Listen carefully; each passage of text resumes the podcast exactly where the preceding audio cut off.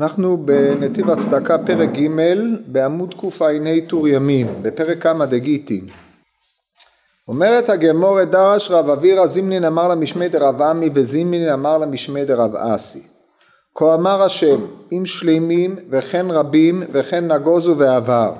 זה פסוק בספר נחום שעוסק באשקופה של נחום על אה, אנשי ננבה אנשי סנחריב ושיבואו על ירושלים או קיצור שהגויים גם אם הם שלימים וגם אם הם רבים וכן נגוזו אף על פי כן הם יעברו. אבל הגמרא דורשת את הפסוק הזה אחרי שעברו הגויים האלה מן העולם עדיין יש לו קיום ולכן דורשת הגמרא את הפסוק הזה על מתן הצדקה.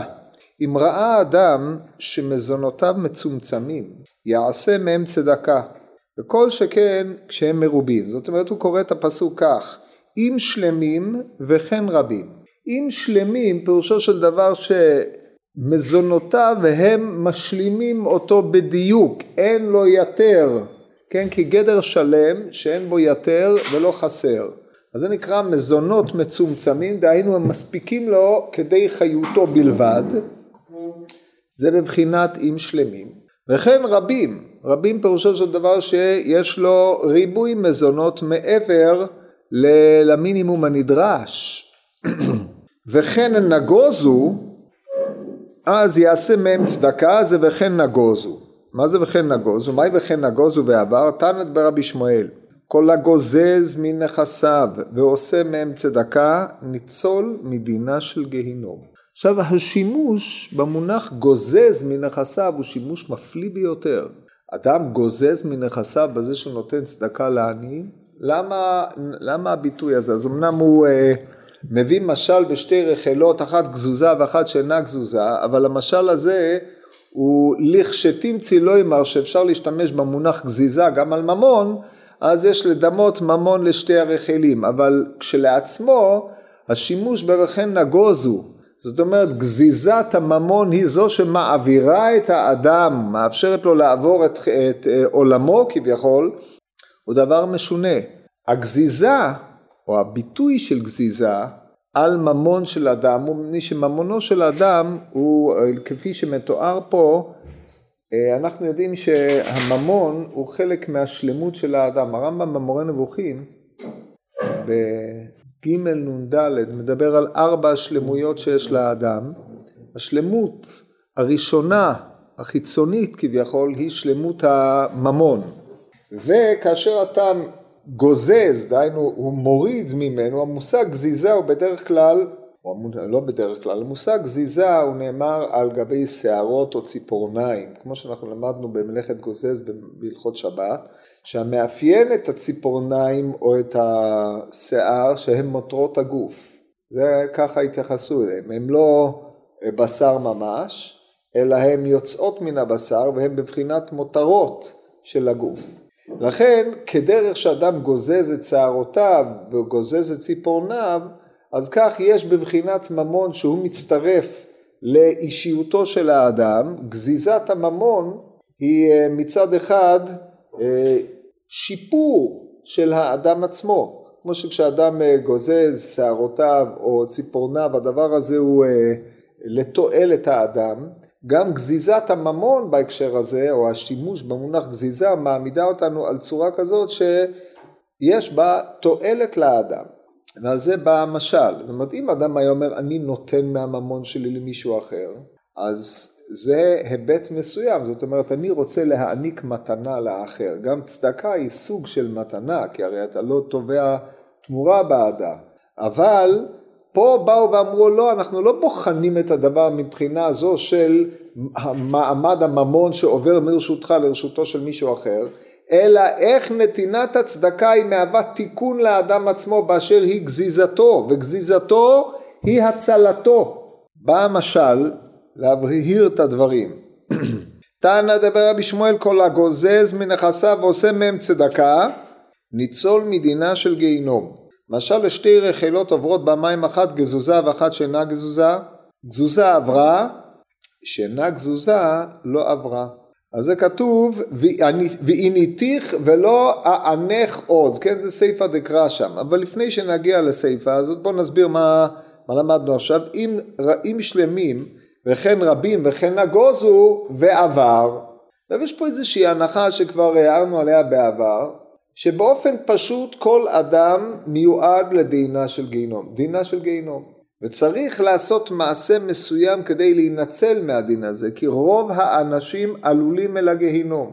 כן, זו עמדה, אה, נגיד, נקודת המוצא היא לא מעודדת במיוחד, אבל אה, כנראה היא נובעת מתוך ההנחה שרוב האנשים בימי חלדם מבלים את זמנם או מבזבזים את חייהם להבל ולריק, או דבקים, בניסוחים מהר"ליים, דבקים בחסר, בחסר, בדבר המתכלה, מי שמעסיקים את מחשבותם, משקיעים את, משקיעים את כוחם, מאמצים את, או, או מייחדים את רצונם למושאים כאלה שהם מושאים קלים, היינו אובייקטים שהם עוברים וקלים מן העולם, מחשבותם נתונות לעניינים כאלה ואחרים ולכן במה שאדם דבק בחייו שם הוא יעמוד במותו נקי מכל אה, הזיותיו, הוא נשאר, נשאר דבק באותו בחינה של חסר.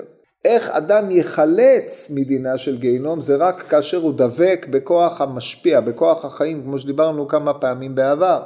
אשר על כן, כיוון שכל האדם העלול אל הגיהינום, ככל שיש לו ריבוי ממון יותר, ריבוי הממון הופך להיות אמצעי מכביד על האדם, שהרי ידוע שמרבה נכסים מרבה דאגה, ומרבה, יש לאדם מנה הוא רוצה 200 וכיוצא בדברים הללו, הדברים משקיעים את האדם במחשבות הממון עד כדי שכל הווייתו דבקה בדבר שעתיד להתחסר. להתחסר ממנו בוודאי, מפני שהרי לא במותו ייקח הכל, כמו שאמר התהילים של היום, וכיוצא בדבר הזה, ממון כשלעצמו קלה, גלגל חוזר הוא בעולם, פעם יש, פעם אין, אשר על כן אדם שלא יתקן את הבחינה הזאת, או יתקן את מעמדו, שזה בחינת גזיזה, ישקע או לא יעבור. ואז הוא מביא משל של שתי רכילות, שתי רכילות שנטענות שיער.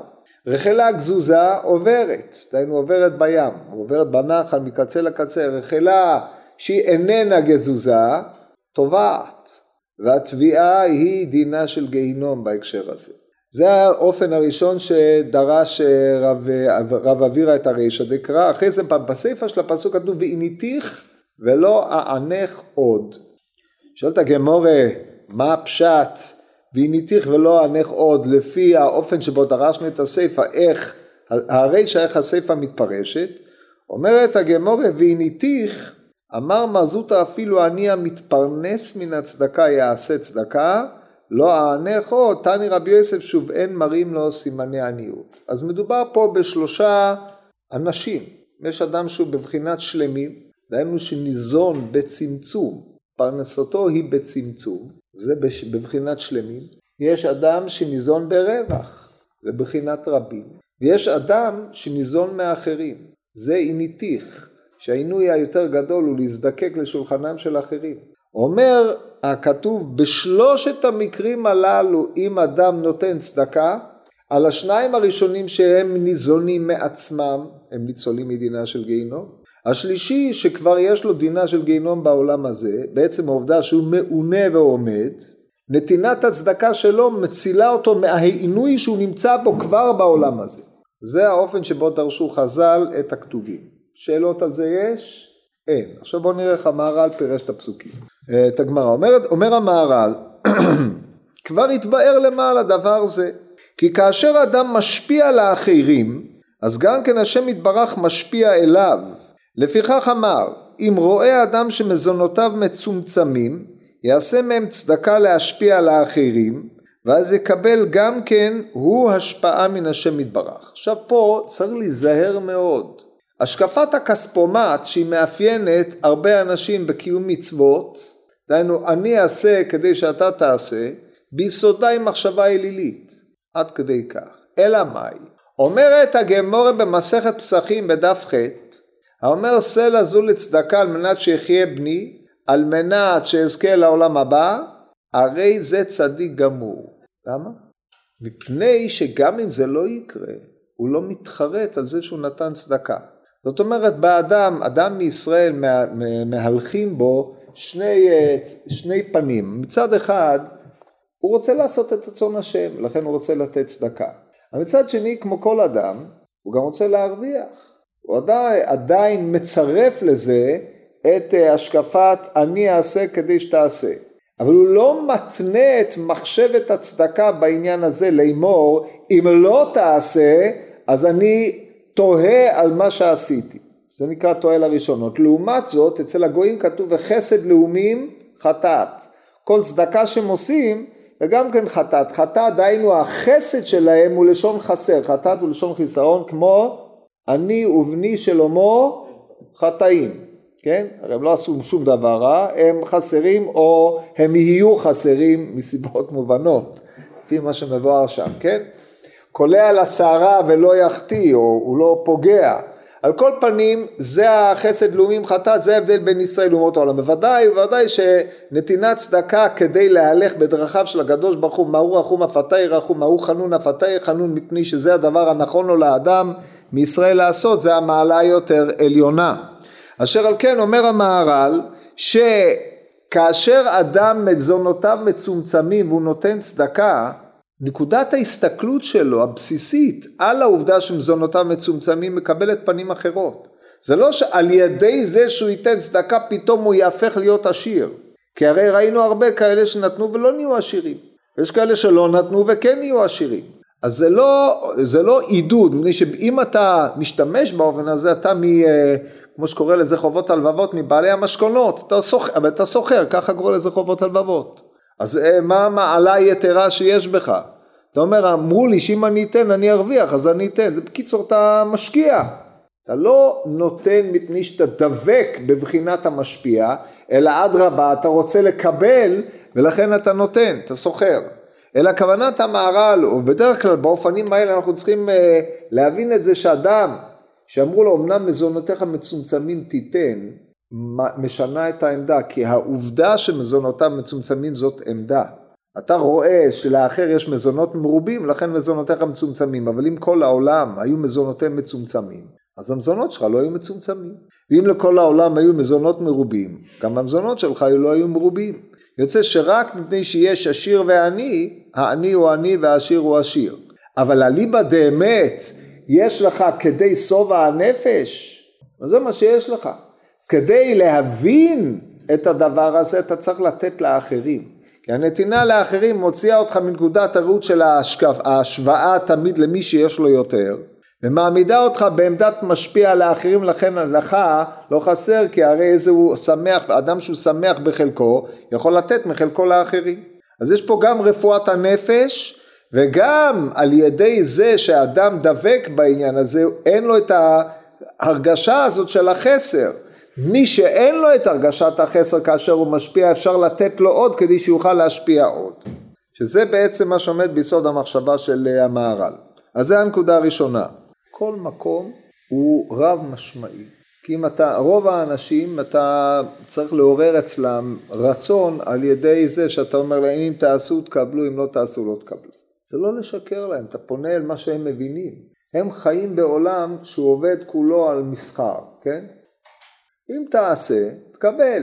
עכשיו אם לא תקבל, אז אולי אחר כך תקבל. ואם לא קיבלת, אז תמיד יש סיבה שבגללה לא קיבלת, כי עשית משהו אחר, כן? אבל זה העולם שרוב האנשים חיים בו, זה עולם אווילי, כן? אין מה לעשות, כי כדי להשתחרר מההשקפה הזאת צריך הרבה מאמץ תבוני, צריך לימוד וכיוצא בזה. אבל מי שלומד את דברי החכמים, אז צריך לפרש אותם ולפעול לפי מידת חסדו עם החכמים, שהחכמים גם להם הייתה חוכמה, והם אה, ככה פירשו את הדברים, ברור? אז אתה כשתיתקל בעוד דוגמה כזאת, אתה תעשה מאמץ לתקן את, את הדברים באופן שהם אה, יתפרשו בדרך המתיישבת על הדעת. ותמיד תדייק בדברי החכמים, תראה שהם אה, זהירים מאוד אלא שההשקפה הרגילה רואה מה שהיא רוצה לראות. ברור? טוב, הלאה. אומר כי העושר שהוא תוספת עומד להינטל אם אינו משפיע לאחר ואמר כל מי שגוזז נכסיו ועושה מהם צדקה ניצול מדינה של גיהנום משל לשתי רכילות פירוש דבר זה כי הצמר הוא תוספת על הבהמה ואינו נחשב מגוף הבהמה כן לכן יש לנו מלאכת גוזז לעומת מלאכת חובל, ולא ניכנס לפרטים. ומפני כך דבר זה נקרא מסע על הבהמה. כי הרי הבהמה יכולה להיות עם ויכולה להיות בלי ואף על פי כן היא אותה בהמה. אומרת זה איזשהו אה, עניין שהיא מגדלת והאדם אה, מנצל את זה לצרכיו אבל כל פנים היא ודאי תוספת לפי היבטים מסוימים. עד שעל ידי מסע הצמר שהוא דבר מת אינו יכול לעבור במים ונת... המים ונטבע. שימו לב מה זה משנה אם הוא מת או לא מת? לא חלק מהחיות של האדם. עכשיו תחשבו על זה כאשר אתה רוצה להעתיק מהמשל הזה שהגמרא אלא נמשל שהוא האדם. הצמר, כמו שנתתי לכם הדוגמה של השיער, זה איזה עניינים שאדם מצמיח אבל הם אינם חלק ממנו. ובאשר הם אינם חלק ממנו, הם מתים. ולא זו בלבד שהם מתים, הם מביאים את האדם עצמו לידי מיתה. כמו המשל של הרכילות, רק תחשבו על זה שכל אדם עובר באיזשהו נהר, ויכול להיות שממונו יטביע אותו, בין אם מפני שישדדו אותו, וזה בסיבות היותר פשוטות, בין מפני שכל המוח שלו עסוק רק בכסף שלו. איך להרבות ממונו, איך לעשות תענוג כזה, שיט כזה ועוד אי אילו הבלים שאדם משקיע בהם את ממונו, מחשבתו, מרצו וכיוצא בדברים האלה, ורוב ימיו יוצאים על ריק והבל. לכן זה ממית. אז הוא אומר, וכך מי שיש לו עושר ואינו משפיע על האחרים, למה הוא לא משפיע על האחרים? מפני שהרי הוא יתחסר בזה שהוא ישפיע על האחרים. אז העמדה שלו היא, העושר הזה הוא שמור לבעליו, וככל שייתן ממנו פחות לאחרים לא יהיה יותר. יוצא שכל הווייתו זה להרבות עבורו דבר שבעצם לא יועיל לו, אליבא דאמת.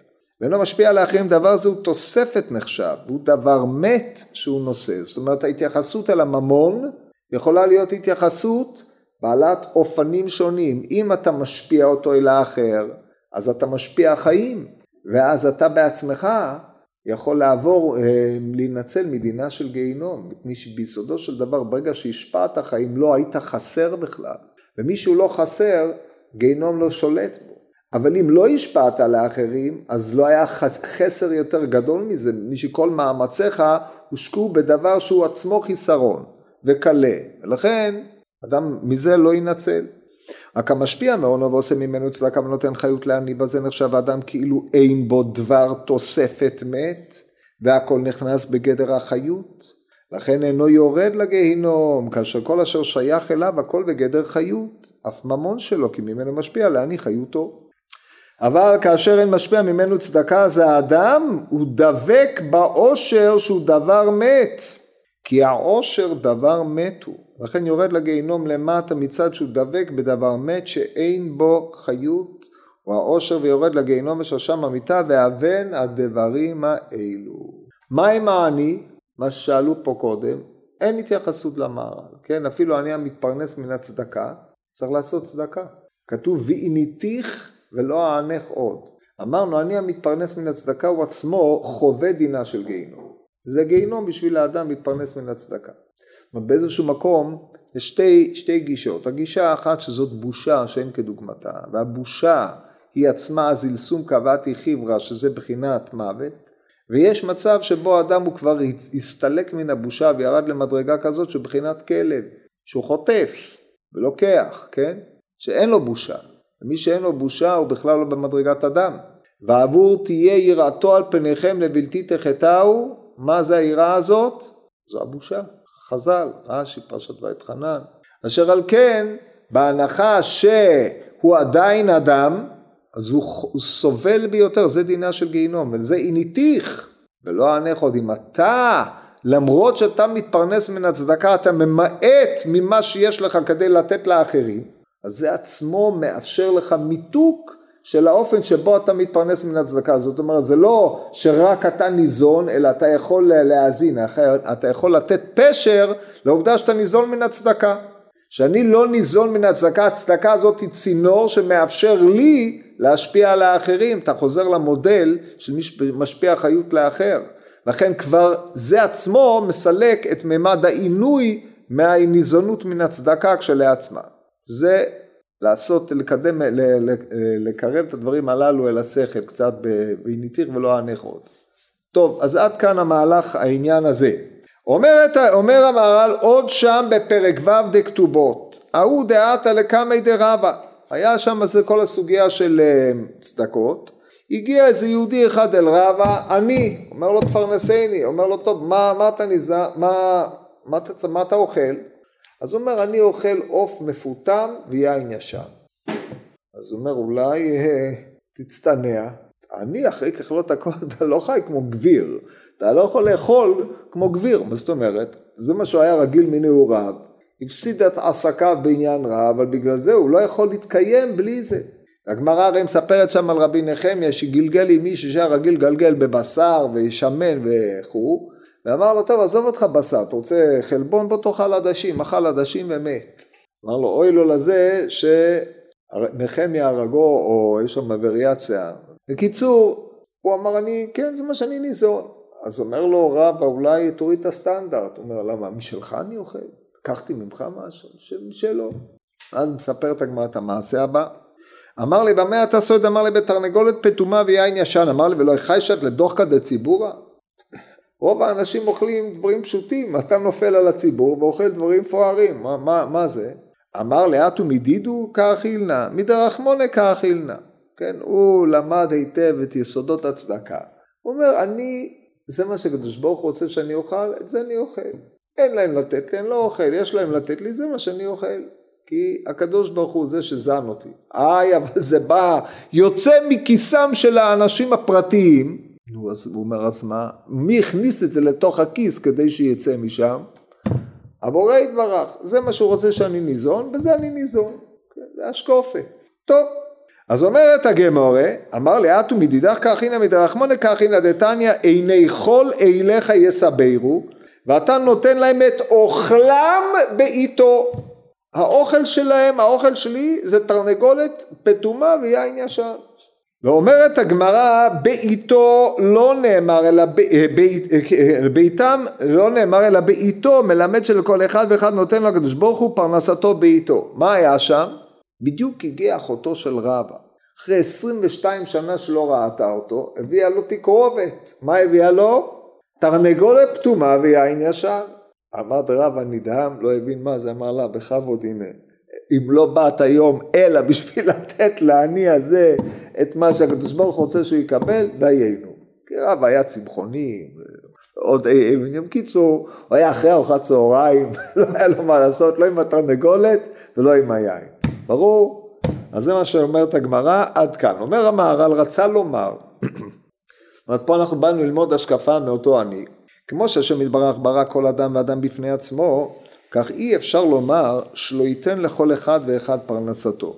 שאם כן היה אדם בריאה חסרה.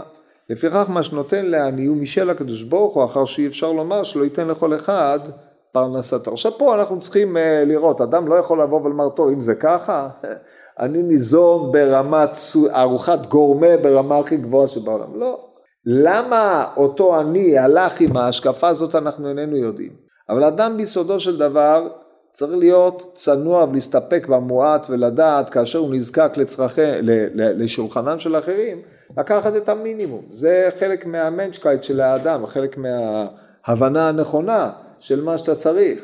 אבל יש פעמים שזה מה שהאדם, כמו שלכל אחד יש צרכים אחרים, יש אנשים גדולים, אנשים קטנים, אנשים שיש להם בטן גדולה, אנשים בטן קטנה, אנשים אוכלים כך, אנשים אוכלים אחרת. כשם שפרצופיהם שונים, ככה צרכי האכילה שלהם שונים, מן הקצה לקצה.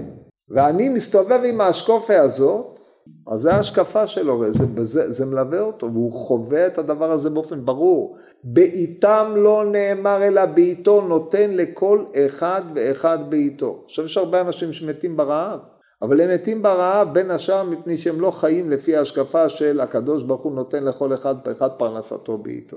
ומי שמבין את הדבר הזה אל נכון, וחי עם הדבר הזה, זה חלק מהחיות שלו, והרי הוא צריך היה לחדש את זה לרבה, ורבה הוא מרא דכולי תלמודה, אז זה מרגלה בפומי, ככה הוא חי את החיים.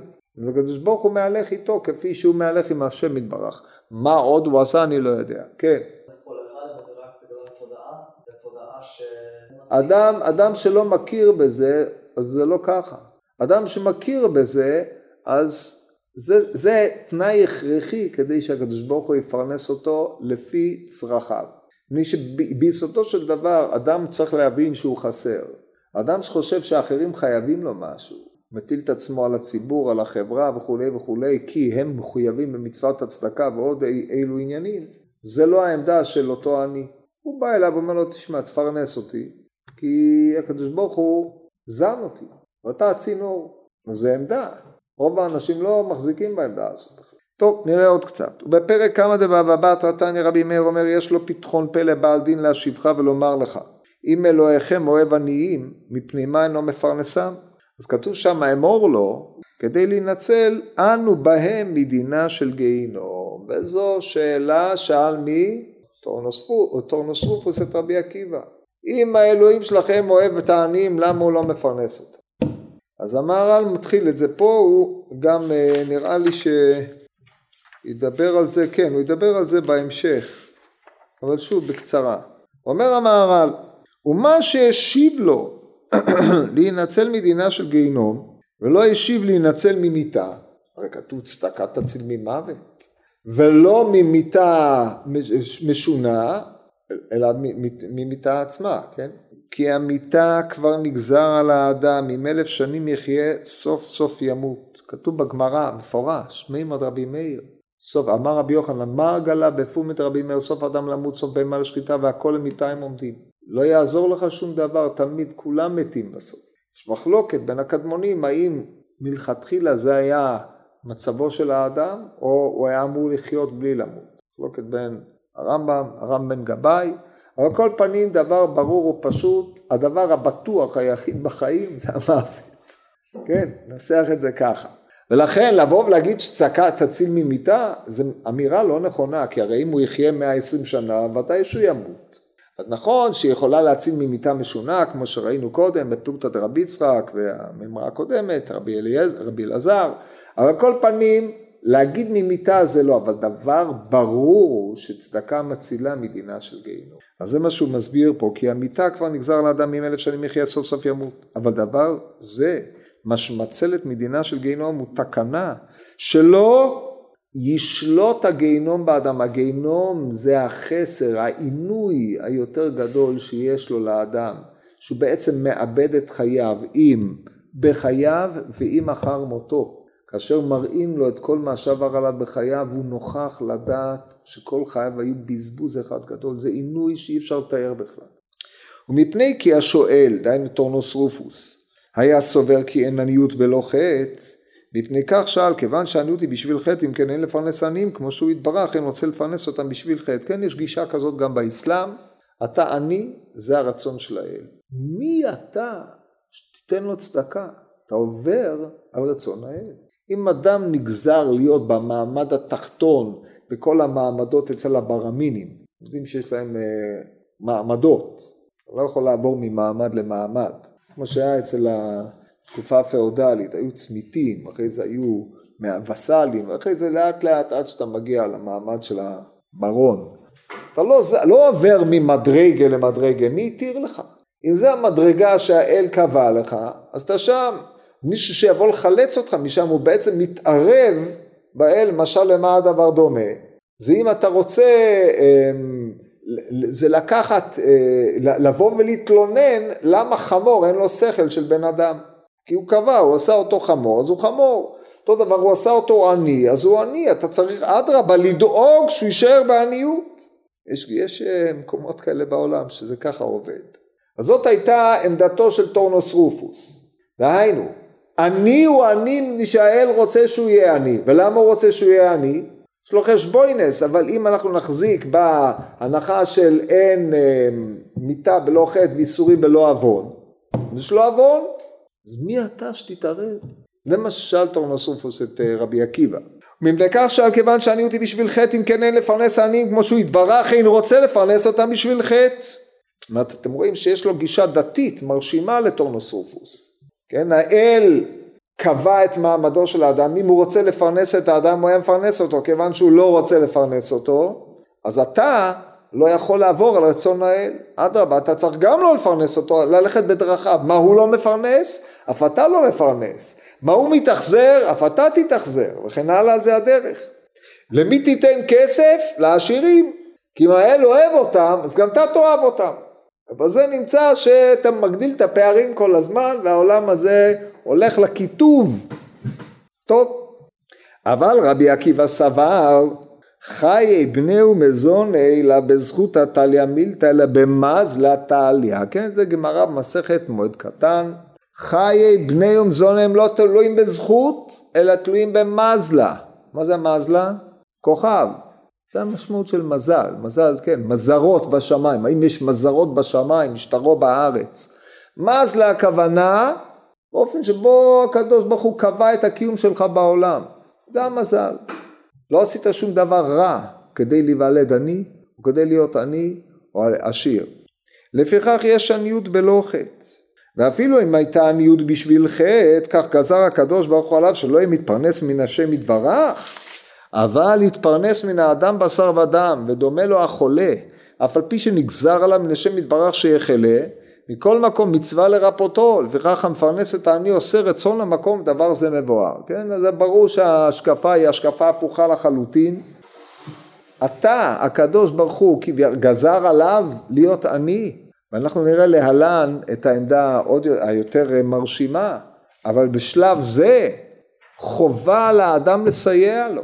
הוא גזר עליו להיות עני, אבל הוא לא, הוא חייב אותך לסייע לעני, כמו שהוא חייב אותך לרפא את החולים, אחרת בשביל מה פתחו בתי חולים? ברגע שאדם נפל למשכב, תדאג שהוא ימות, תדאג שהוא יתייסר, אל תעזור לו, אל תרפא אותו. עכשיו זה אבסורד.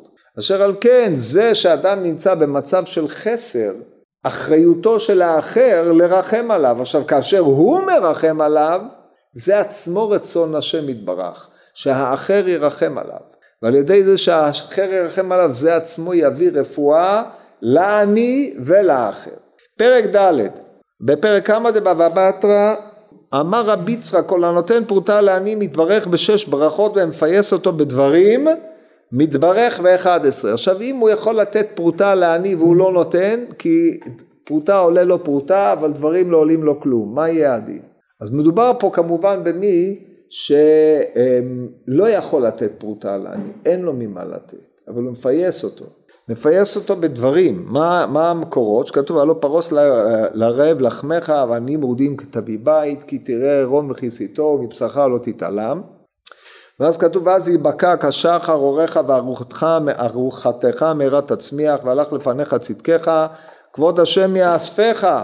אז תקרא בהשם יענה תשבע ויאמר הנני. זה המפרנס את העני אבל המפייסו בדברים יתברך באחד עשרה ברכות דכתיב הלא תפק לרעב נפשך.